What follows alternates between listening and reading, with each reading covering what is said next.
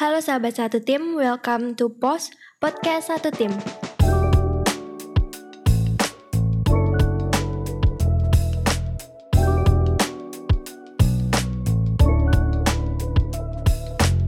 Akhirnya kita berjumpa lagi ya pada episode keempat kali ini tentunya dengan topik yang berbeda dan pastinya menghibur serta memotivasi para pendengar sekalian.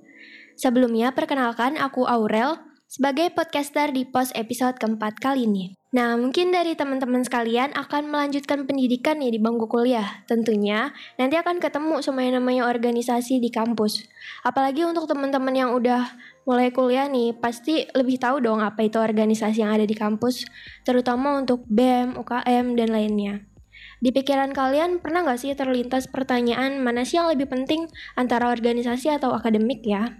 Nah, pada episode kali ini, kita akan membahas tuntas hal-hal tersebut yang selama ini pastinya membuat kalian bingung antara mana yang lebih penting antara organisasi atau akademik di perkuliahan. Jadi sekarang di sini aku nggak sendiri nih. Di sini udah ada narasumber yang akan menemani podcast kita kali ini. Beliau merupakan presiden mahasiswa di Universitas Pendidikan Nasional Denpasar periode 2021-2022, yaitu Kahendrawan Adis Prayoga yang akrab disapa Kahendrawan. Nah, tanpa berlama-lama lagi, langsung aja kita sambut Kak Hendrawan Adis Prayoga. Halo Kak Hendrawan, apa kabar nih? Halo Aurel, baik-baik kabarnya sekarang. Alhamdulillah. Gimana nih perasaan Kak Hendrawan selama menjabat sebagai presiden mahasiswa di Undiknas? Uh, kalau perasaan uh, Kak Hendrawan sendiri, ya tentunya ada seneng, bahagia, dan juga ada rasa kayak kaget juga kayak gitu. Karena kan kita nggak tahu nih uh, dulu kayak Rawan juga nggak ada angan-angan juga jadi presiden mahasiswa dan akhirnya uh, sekarang jadi presiden mahasiswa kan kaget juga kayak gitu tapi ada hmm. rasa bangga lah ada yang sesuatu yang kayak Rawan bisa capai di organisasi kayak gitu hmm, yeah.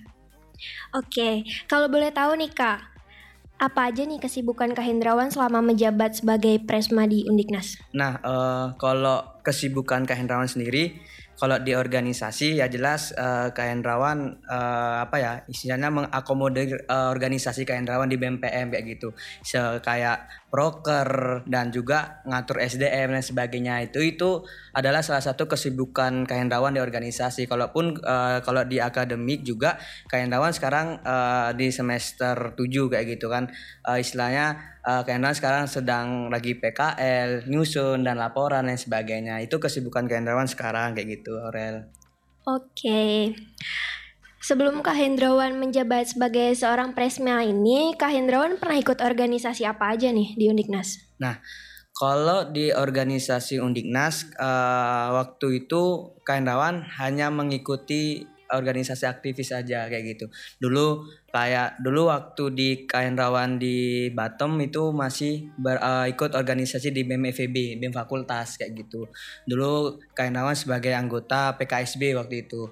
Dan naik di tahun kedua itu uh, berada di BEM PM yang di mana Kain Rawan dikepercayalah istilahnya menjadi staf Kemenlu kayak gitu. Dan hmm. akhirnya sekarang naik menjadi uh, Presma kayak gitu. Sebelum itu itu organisasi yang kain rawan lalui lah istilahnya kayak gitu. Udah lumayan banyak sekali ya kak? Ya ya nggak lumayan juga. Ya banyak sekali. Nggak nggak juga sih. Oke okay, untuk mungkin untuk tantangannya yang kakak hadapi selama selama yang udah kakak jalani sampai titik sekarang ini apa ya kak? Oh tantangan ikut organisasinya kayak gitu yeah. sama ikut organisasi. Yeah. Nah, uh, kalau tantangan itu pasti ada ya, namanya juga uh, dinamika organisasi itu pasti ada kayak gitu.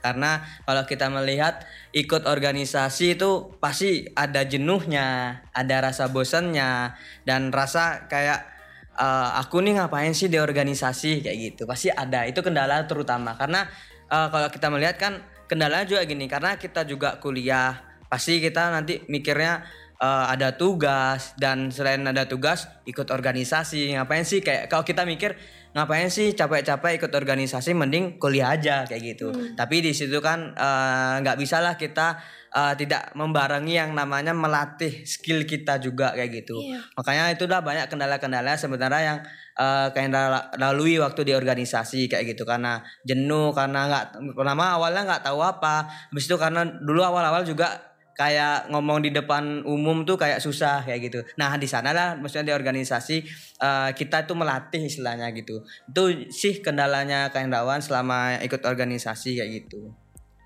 Oke, mungkin dalam lingkup organisasi kan tentunya bakal ketemu sama banyak relasi, ketemu sama banyak karakter orang-orang yang berbeda. Gimana sih caranya Kak Hendrawan buat membangun relasi pertemanan untuk ke mereka? Nah, uh, kalau melihat relasi dan pertemanan di organisasi itu ya. Uh, kalau kita lihat berdasarkan dari pengalamanku nih kayak gitu. Kalau kalau dari aku sendiri pun aku kalau misalnya berteman di organisasi itu aku menilai dulu orangnya seperti apa kayak gitu. Jadi kan kita pasti banyak nih watak-watak orang idealisnya orang itu kayak gimana kayak gitu. Mm jadi sebelum Kak Hendrawan mengenal lebih dalam lagi uh, di awal tuh kita tuh harus sebenarnya harus menilai orang itu. Kita gimana cara ngomongnya dia, gimana pemikiran dia. Sebelum nanti kita kayak belak-belakan ngomongnya. Jadi kan ada uh, tipikal orang tuh kayak uh, baperan. Ini bisa diajak bercanda apa enggak. Dari di sanalah uh, dengan lisan inilah kita harus menjaga dengan baik lah gitu. Jadi jangan sampai menyakiti orang tersebut kayak gitu. Kalau kita membangun relasi dari awal tuh dari lisan kita dulu. Baru nanti ke mana-mana lah kayak gitu. Makanya uh, ketemu tuh kita harus benar-benar menjaga lisan kita kayak gitu. Itu sih uh, awal kalau kita menjaga relasi menjaga pertemanan kayak gitu dengan omongan kita sendiri. Kalau orang uh, kalau orang itu bisa diajak uh, bercanda baru kita bebas. Kayak kita mau bercanda berlebihan pun kalau dia nggak baperan ya nggak bakal marah sama kita kayak gitu. Itu sih lebih pentingnya kita menjaga lisan aja kayak gitu. Menjaga omongan biar mereka itu sakit hati apa enggak kayak gitu. Oke berarti kita nyari relasi itu dengan mengenali lawan bicara ya, kita lawan dulu bicara ya. dulu sebelum kita mengenal lebih lah istilahnya kayak gitu. Oke. Okay. Selanjutnya nih Kak, um, kita semua kan kuliah nih. Tentunya mungkin mungkin gak sih selama kuliah dan organisasi itu tuh menyita waktu Kak Hendrawan. Terus gimana sih caranya Kak Hendrawan untuk menyikapi hal tersebut? Nah, kalau uh, ini nggak munafik juga ya Kak Endrawan. Uh, kalau masalah uh, waktu waktu kuliah dan organisasi pasti salah satunya bakal ada yang dikorbankan juga kayak gitu. Nggak masalah kuliah, masalah organisasi. Tetapi kita balik lagi. Kita kuliah ini uh, kita sebenarnya wajibnya ngapain sih kayak gitu. Dan kalau menurut Kak Hendrawan, kalau kita misalnya di dalam uh, di dalam dua itu mengikuti kegiatan lah istilahnya kayak gitu. Kalau kita waktunya akademik misalnya perkuliahan. Nah, waktu di perkuliahan tuh seharusnya kita itu jangan dulu uh, memikirkan organisasi kayak gitu. Kita fokus dulu kuliah kayak gitu. Kalau sudah uh, keluar dari perkuliahan baru nanti kita urusin organisasi. Ba di baliknya gitu juga kalau kita ikut organisasi jangan kita juga disembaringin uh, pemikiran uh, waktu kuliah kayak gitu. Makanya biar nanti istilahnya kita tuh nggak pusing kayak gitu. Kadang orang kebanyakan ikut kuliah organisasi, aduh aku belum uh, ngerjain tugas, aduh aku prokerku entar lagi mepet kayak gitu kan. Jadi kalau uh, saranku nih kalau apa sama teman-teman kayak gitu. Kalaupun nanti kalian uh, ikut organisasi waktu kuliah. Nanti kalau emang misalnya waktu ngerjain tugas, kalian fokus di tugas itu, jangan sampai kalian ada lagi pikiran lain, itu.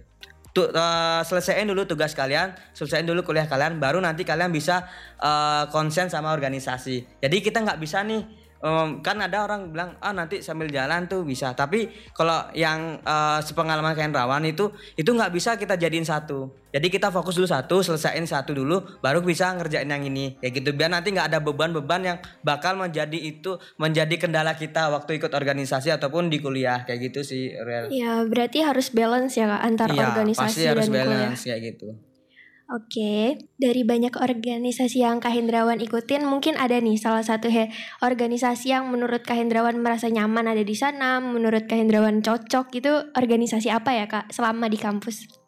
Uh, uh, jujur, uh, Kak Hendrawan kan uh, kalau ikut organisasi kan kalau kita lihat uh, organisasi BEM, aktivis kayak gitu, dan kalau um, merasa nyaman ya Kak Hendrawan nyaman kayak gitu, karena emang Uh, karena ini adalah niat kehendrawan sendiri kayak gitu. Apa pun uh, kita laksanakan kan tergantung niat kita juga kan. Karena dari awal tuh emang kehendrawan tuh oh, udah niat lah ikut di BEM kayak gitu. Jadi istilahnya nih rumahku lah kayak gitu udah nyaman istilahnya kayak gitu. Jadi organisasi yang kehendrawan laluin kemarin-kemarin itu kayak di BEM fakultas, di Kemenlu itu apa pun yang kehendrawan kerjain itu selalu nyaman karena emang kehendrawan tuh emang niat kayak gitu kalau nggak niat pun nggak nyaman kan gitu ya jadi yeah. apa pun kita lakuin itu harus tergantung dengan niat kita kembali lagi dengan niat kayak gitu baru kita merasa nyaman kayak gitu Oke, dari organisasi yang Kahendrawan pilih itu, itu tuh yang mendasari Kahendrawan ada di sana itu apakah berdasar hobi atau sekedar coba-coba atau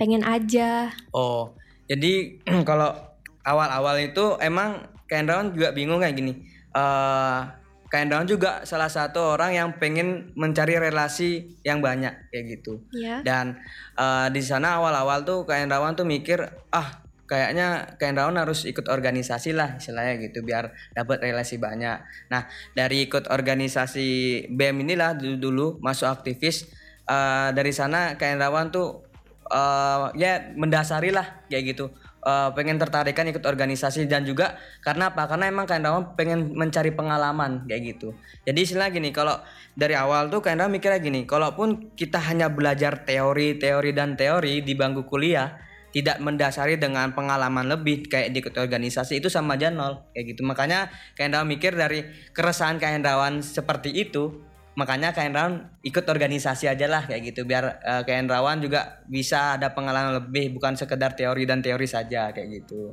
Oke, berarti menurut Kak Hendrawan ikut organisasi itu akan memberikan dampak positif ya? Ya benar sekali. Nah, mungkin nih dari banyak teman-teman, banyak yang beranggapan bahwa mengikuti organisasi itu menimbulkan dampak negatif. Itu menurut Kak Hendrawan sendiri, itu setuju atau enggak ya dengan argumen seperti itu? Nah, kalau dibilang setuju atau nggak setuju itu aku balik lagi dengan pemangku kepentingan ikut organisasinya. Ngerti hmm. jadi uh, tujuan kita ikut organisasi itu apa? Kayak gitu. Yeah. kalau misalnya tujuannya dia hanya ikut-ikut aja maksudnya ada biar ada gay nanti biar sibuk lah kayak gitu. Itu yang salah. Makanya ada statement uh, ikut organisasi itu nggak ada efek apa pun. Karena emang dia nggak niat kayak gitu. Kalaupun karena kalau kita ikut organisasi dengan uh, keresahan kita dengan pengen ketahuan pengen tahu kita kayak gitu pengalaman lebih kayak gitu dan sebagainya itu pasti bakal berdampak kok. Kayak gitu. Contohnya gini aja.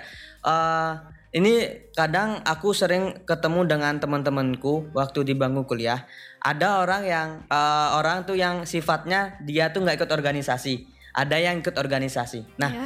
jadi waktu dia uh, misalnya nih uh, berbicara di depan umum, berbicara tentang kayak presentasi lah istilahnya, itu lebih uh, lebih kenal lah istilahnya, lebih menguasai uh, istilahnya sekitarnya dia. Kalaupun orang yang kadang ini, kadang ada orang yang cerdas, ada orang yang pinter, dia hanya gini teori-teori saja tapi dia nol dengan eksekusinya kayak gitu hmm. dan uh, kita balik lagi dengan orang-orang uh, sekitar ya maksudnya kalau dirinya kayak Rawan tuh lebih uh, enak belajar tuh langsung praktek langsung dapat pengalaman lebih kayak gitu. Kalau disadar uh, disadari dengan hanya kuliah di bangku kuliah kan nggak dapat apa-apa. Makanya carilah pengalaman biar langsung turun langsung lah ke lapangannya gitu biar dapat pengalaman lebih kayak gitu. Makanya itulah pentingnya organisasi kayak gitu. Makanya kalau ada statement yang ikut organisasi tuh nggak ada efek apa pun malah dapat negatif tuh salah menurut Kahendrawan kayak gitu. Oke berarti menurut Kahendrawan Kahendrawan nggak setuju ya sama statement ya, itu karena jelas. organisasi itu tuh bisa nambah pengalaman buat kita. Menurut Kahendrawan sendiri apakah lebih penting organisasi atau akademik? Nah kalau kita uh, suruh milih nih sebenarnya organisasi dan akademik ini nggak bisa kita apa ya kita banding-bandingkan ngerti nggak? Dan organisasi dan akademik itu sebenarnya salah satu hal yang menyatu. Kayak gitu. Ya. gini uh, kalau contoh dasarnya aja gini. Kalau kita di organisasi itu kita juga belajar loh kayak gitu. Kita di organisasi juga kita bakal banyak dapat ilmu-ilmu akademik yang nggak dapat di ilmu perkuliahan. Ya. kayak gitu.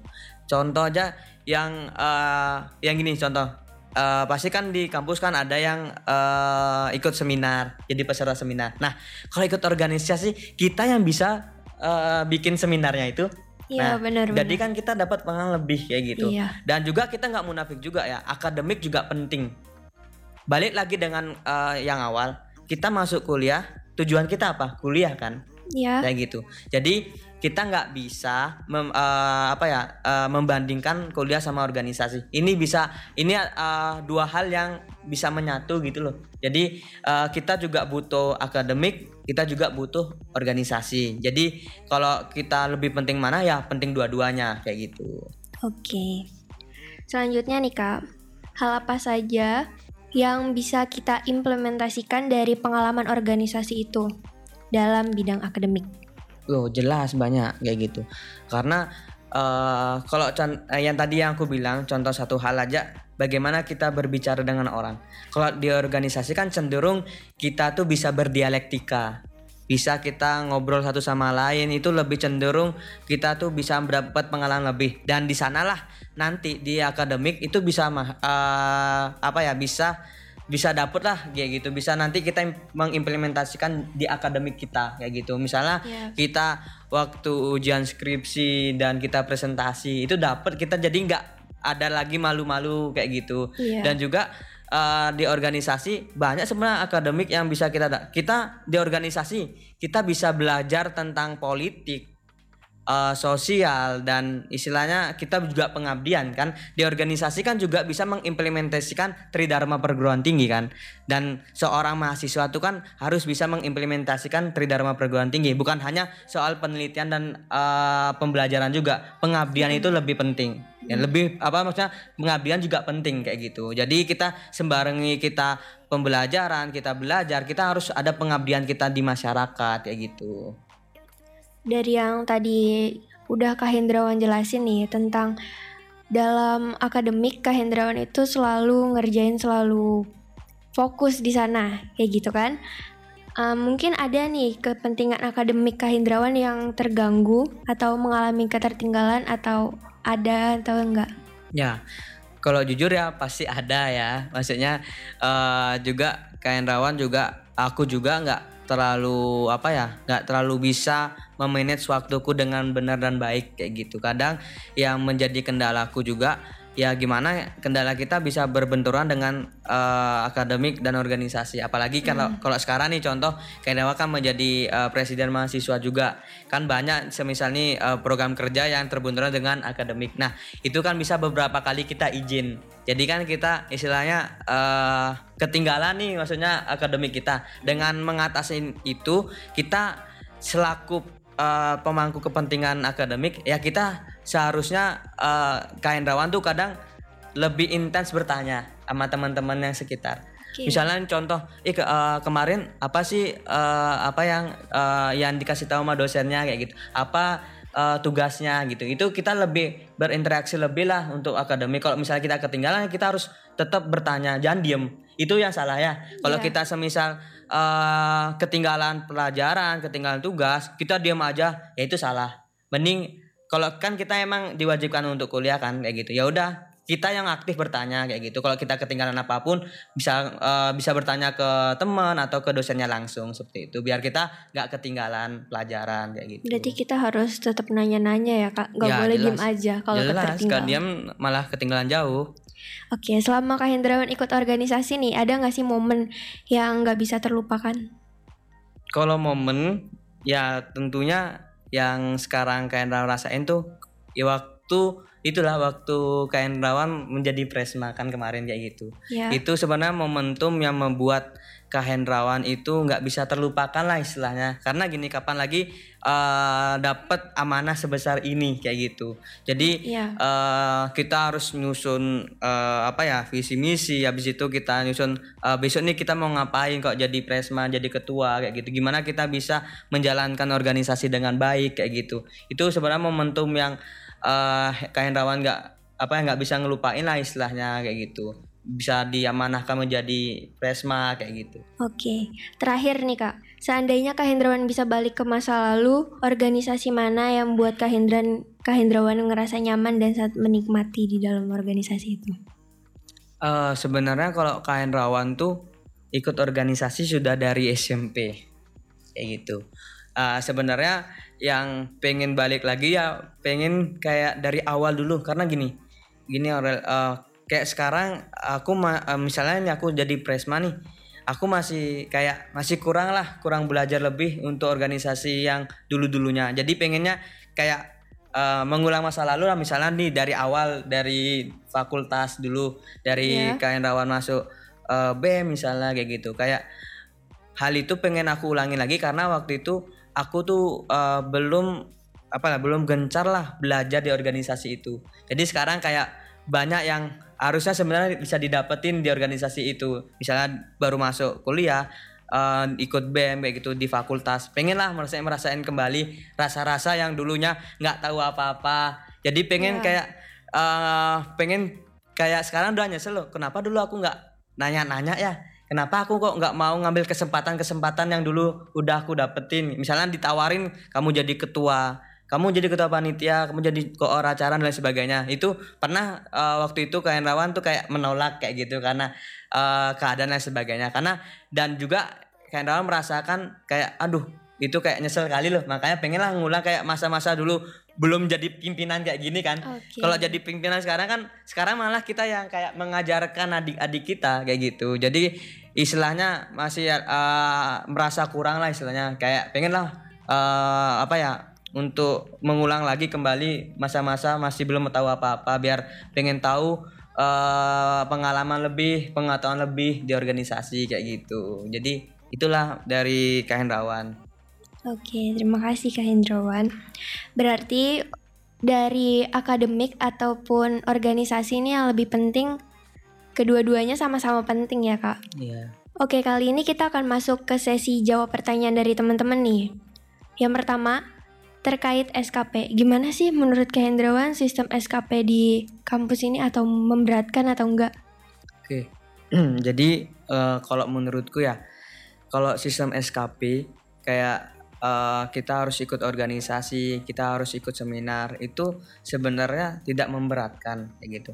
Dan ini malah bagus sistem SKP ini karena apa? Karena biar mahasiswa uh, di kampus tuh biar aktif kembali loh untuk organisasi, untuk ikut seminar dan sebagainya. Kadang kalau kita kalau awal aja kita nggak ada dorongan, pasti kita nggak jalan kan kayak gitu. Yeah. Jadi susah. Uh, kita nyuruh mahasiswa kita aktif, uh, mahasiswa kita harus berprestasi dengan ada uh, dengan embel-embel feedback dan lain sebagainya kayak gitu. Dan SKP ini sangat membantu kayak gitu. Contohnya gini uh, kita suruh mahasiswa uh, ikut organisasi dan berprestasi semisalnya kayak gitu. Dengan cara apa sih biar uh, apa biar mahasiswa ini bisa jalan bisa gerak? Yaitu dengan ada SKP jadi uh, mahasiswa tuh diwajibin untuk ikut SKP. Jadi istilahnya mereka berlomba-lomba lah kayak gitu mencari organisasi, mencari prestasi. Jadi dari prestasi itu kita dapat SKP. Kan jadi banyak nih mahasiswa jadi uh, dapat prestasi dan feedbacknya juga ke kampus dan diri kita juga kayak gitu. Iya berarti SKP itu bisa menjadi dorongan ya untuk mahasiswa. Iya jelas. Yang kedua mungkin Kak Hendrawan bisa jelaskan pengalaman berharga untuk Kak Hendrawan selama menjabat sebagai presma atau selama mengikuti organisasi?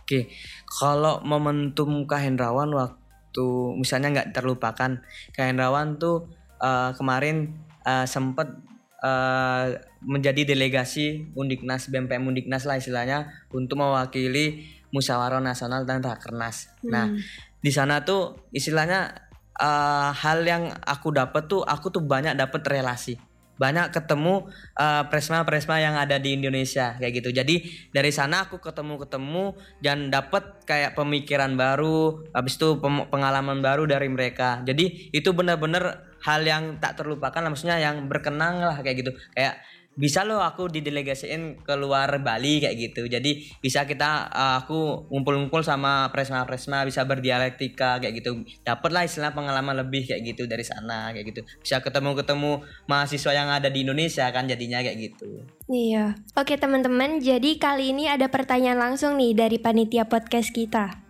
Oke, uh, langsung aja. Oke, perkenalkan nama saya James. Jadi di sini um, aku mau nanya nih. Jadi aku tuh ikut kayak satu UKM gitu uh, dan itu UKM-nya tuh pas sama hobiku gitu kan ya. Jadi eh, pas aku masuk UKM itu kan eh, gimana ya kayak wah pas masuk UKM ini gimana ya jadi ketemu orang-orang yang satu pemikiran kayak satu hobi gitu kan pasti seru nih gitu. Aku mikirnya kayak gitu kan.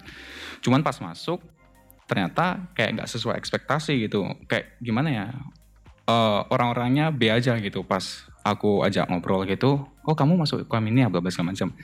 Dan sebagian dari mereka tuh reaksinya tuh B aja gitu kayak nggak ada kayak excited excitednya Hmm, gitu ya, aku ya. juga kayak bingung wah kok gini ya gitu Eh, kalau dari kakak sendiri apa sih kayak jalan terbaiknya apakah aku kayak oke mundur aja gitu cabut atau stay di situ itu sih kalau aku Oke oke. Eh, bagus nih pertanyaannya eh, dari James ya. Oke Kak James. ya, Oke. Jadi eh, kalau menurutku emang gitu. Kadang eh, realita kan nggak sesuai dengan ekspektasi kan kayak gitu. Apalagi ikut organisasi dan eh, di awal emang kalau di awal kita masuk organisasi itu kita harus penuh dengan persiapan lebih kayak gitu. Kita harus tahu dulu sebelum kita masuk organisasi ini apa sih sebenarnya budaya di sini kayak gitu apa sih orang-orangnya tuh kayak gimana kayak gitu kita harus lebih eh, mengenal deket lah istilahnya kayak gitu sebelum kita cinta organisasi ya kayak gitu. Kita harus tahu dulu kenali dulu eh, organisasinya kenali orang-orangnya di dalamnya seperti apa. Gimana sih eh, budayanya dia? Gimana sih prestasi-prestasinya dikembangin? Kayak gitu. Apa sih sebenarnya yang eh, organisasi ini kembangin? Nah sesuai dengan sesuai nggak dengan eh, apa ya dengan kemauan kita? Kayak gitu. Oke kalau kita lihat banyak kok organisasi organisasi yang tidak sesuai dengan apa itu jadi diri UKM itu organisasi itu. Jadi misalnya nih kayak ada UKM olahraga misal tapi ternyata dia tidak melatih dengan skill eh, dari mahasiswa atau dari orang-orangnya kayak gitu. Makanya sebelum kita masuk ke ranah UKM kita kenali dulu. Baru kalau udah masuk dan tadi kan pertanyaannya kalau kita udah tahu nih eh, orang-orangnya kayak gitu dengan eh, situasi dan kondisinya tidak memungkinkan apakah kita bertahan apa keluar kayak gitu. Kalau menurutku kalau kamu misalnya men- eh, sudah dibebankan tanggung jawab besar kayak gitu. Misalnya nih kamu masuk udah menjadi eh, kepengurusan tapi kamu nggak ser sama sekitar. Nah dari eh, pertama awal eh, kamu beradaptasi dulu dengan sekitar. Kayak gitu. Gimana caranya? Kayak gitu. Kali eh, kamu misalnya nih keluar aja dari zona nyaman dengan cara misalnya kamu apa ya sih yang nggak suka misalnya dari orang itu ya udah kamu eh, harus profesional di sana. Kayak gitu. Nggak bisa kita eh, tahu-tahu kita ninggalin organisasi itu enggak dengan cara bagaimana dengan pemikiranmu kamu yang malah menjadi inisiator untuk merubah ini semua. Kayak gitu. Bukan berarti kamu gini kalau aku lihat misalnya kita eh, belum apa-apa udah eh, keluar itu istilahnya kita sudah mati duluan sebelum berperang. Kayak gitu. Ya udah kita kita diem dulu di sana eh, kita malah bisa jadi inisiator itu lebih bagus. Gimana caranya kita bisa berubah merubah semula istilahnya kayak gitu. Apalagi kalau kalian sudah dijadiin tanggung jawab besar misalnya menjadi pengurus apa ya tetap dulu sana bertahan. Dengan misalnya eh, misalnya nih eh, lagi lagi setengah tahun lagi kayak gitu. Tapi kamu merasa nggak bisa kalau saranku tetap ini jalanin aja dulu tunjukin ke mereka maksudnya aku lo bisa gitu. Aku lo berkompeten kayak gitu. Kalau kamu malah kayak gitu itu jadi bumerang nantinya takutnya kayak gitu. Jadi istilahnya kamu di awal sudah, konsisten nih masuk organisasi udah pengen kayak gini eh tahu-tahu kamu eh, berhenti karena karena situasi ataupun dar- eh, dari segi anak-anaknya nggak mencukupi lah istilahnya kayak gitu. Itu nggak bisa kamu. Karena kalau udah komitmen dari awal ya udah perjuangin sampai akhir nanti ya gitu. Nggak bisa berhenti kayak gitu kayak gitu Eh, gimana? Ada tanggapan lagi? Eh, Eh, udah itu aja sih. Kayak udah udah pas sih udah pas udah. Udah dapat udah, ya? udah dapat oke. Apa dari teman-teman ada mau tanya lagi? Semisal apa gitu kayak Oke, jadi eh, di sini aku mau nanya langsung ke Kak Hendra kan. Biasanya kan kita ngikutin organisasi ini kan pasti ada tujuan ya. Apa pun Siap. yang kita lakukan itu pasti ada tujuan dan yang ingin kita capai. Nah, ada beberapa yang dari misal kita tuh sering nemuin kayak awal-awalnya aja kayak semangat. Pas masuk organisasi ataupun ngerjain sesuatu kayak misal tugas apalagi ini kan termasuk nilai akademi ya.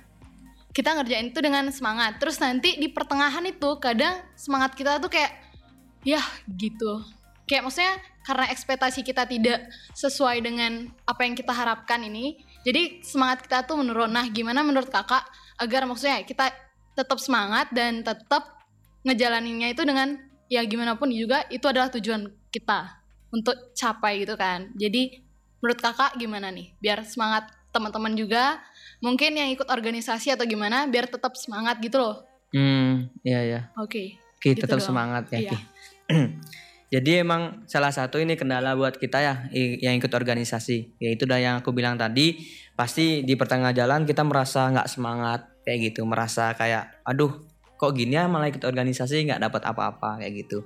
Dan eh, kembali lagi dengan poin awal tadi, eh kalau kita mau ikut organisasi gitu, kita harus emang kalau kita pengen cari pengalaman ya mencari tahu ya kita harus banyak gerak kayak gitu. Kita harus banyak bertanya kayak gitu. Nggak bisa eh, kadang kesalahannya orang nih eh, ikut organisasi dia tuh harus diketok dulu kayak gitu. Kalau bisa misalnya kita jadi anggota biasa lah misalnya. Kalau kita tuh bisa eh, apa niat kita tuh emang udah ah aku pengen harus pengen cari tahu. Kalau misalnya ada senior senior ya udah tanyain aja ke senior seniornya kayak gitu. Gimana eh, caranya gini-gini biar kita dapat pengalaman lebih. Nah kalau kalau sepengetahuanku eh yang lebih cenderung eh, kendala tuh kita tuh merasa jenuh.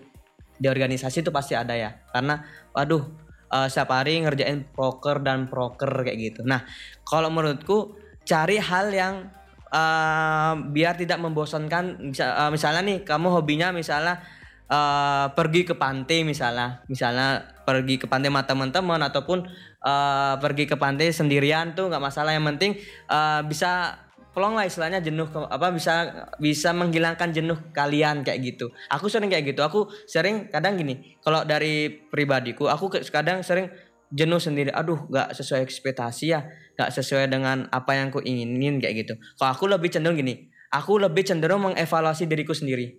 Aku ikut organisasi itu kita harus mentolak ukur diri kita kayak gitu. Apa sih sebenarnya kendalaku kok nggak bisa jalan? Apa sih kendalaku kok bisa nggak sesuai dengan apa yang kita inginin loh kayak gitu. Jadi, kita ya kita evaluasi diri kita dulu. Baru pasti pas kita uh, mengevaluasi diri kita pasti kita bakal tahu loh oh jadi selama ini jadi kendala kita tuh ini. Ini belum kita capai maksudnya belum kita perbarui atau gimana kayak gitu. Ya udah dengan adanya evaluasi itu dengan tolak ukur kita kita bisa uh, istilahnya uh, memberi semangat baru lah. Oh misalnya kita dapat dah dapat uh, apa ya namanya uh, kendala kita nih misalnya oh ini no maksudnya oh ini yang buat aku nggak semangat.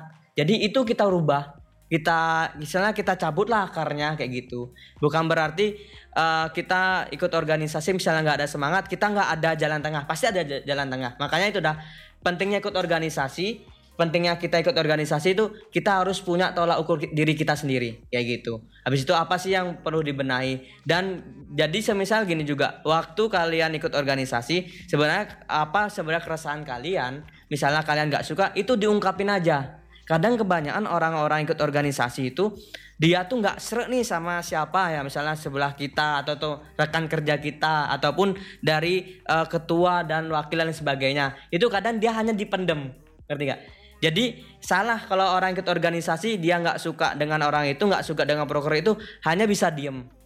Itu yang bikin kita tuh nggak seret dengan keadaan dan situasi. Makanya apa pun kalau kalian misalnya ada kendala itu diungkapin kayak gitu. Pasti kan di organisasi itu ada evaluasi kan istilahnya. Nah di sana dah kalian eh, ungkapkan speak up jangan diem. Pokoknya apa pun yang kalian nggak suka speak up lah kayak gitu. Setidaknya kamu udah mengungkapin ini loh keresahanku kayak gitu. Kalau kamu nggak ngungkapin keresahanmu ya itu aku bilang pasti nggak semangat lah nanti waktu ikut organisasi. Pasti mikirnya gini ah aku pasti eh, ekspektasiku harusnya gini tapi ternyata gini. Pasti kayak gitu terus. Makanya eh, perbarui lah itu ungkapin lah apa yang kalian eh, mau hadapi. Makanya awalnya aku kesimpulin kalian harus punya tujuan kalian harus punya tolak ukur diri kalian kayak gitu. Apa sebenarnya yang bikin kita kayak gini harus punya tolak ukur? Evaluasi diri kita dulu baru apa pun yang kalian resahkan di organisasi misalnya ada evaluasi speak up berani speak up kayak gitu. Kalau kalian tiga ini kalian udah jalankan aku yakin kok pasti kalian eh tenang ikut organisasi nyaman kayak gitu. Itu sih dari aku. Gimana? Ada tanggapan?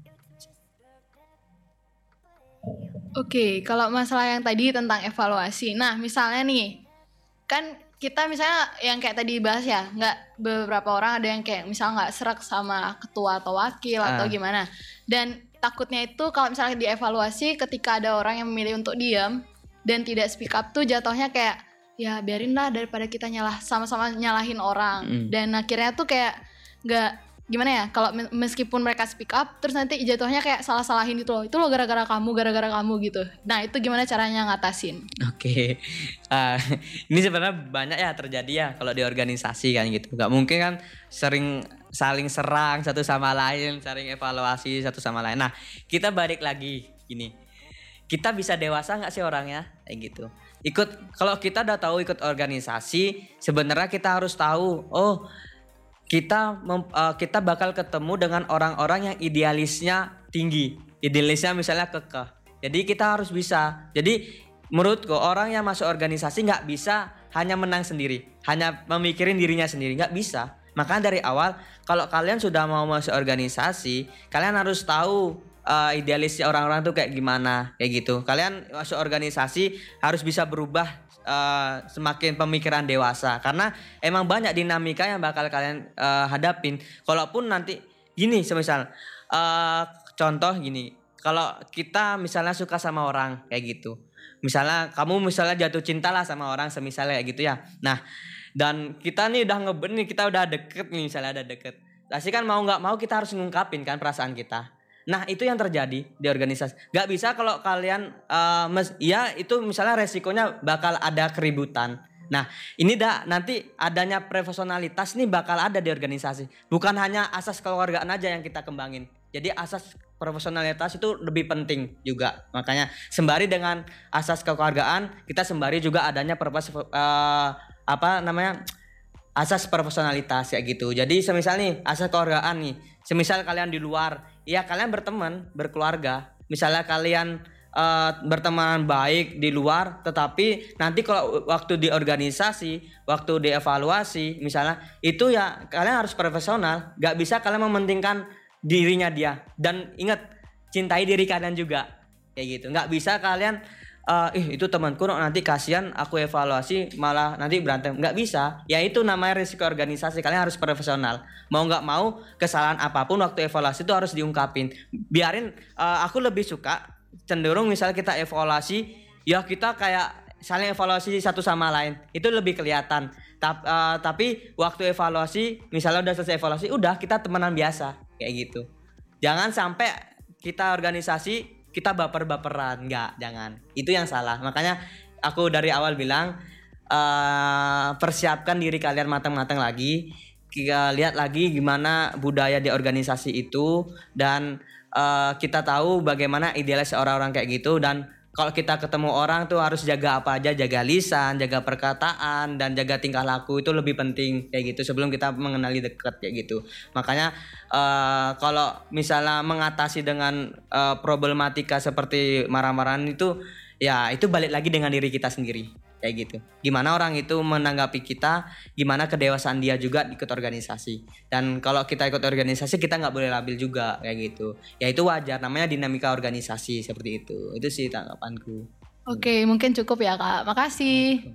Nah, itu tadi perbincangan hangat dari kita berdua di episode keempat kali ini. Semoga pembahasan ini dapat bermanfaat untuk para pendengar dan untuk teman-teman yang mau masuk ke dunia perkuliahan. Semoga dapat dijadikan bekal pertimbangan untuk kalian ya.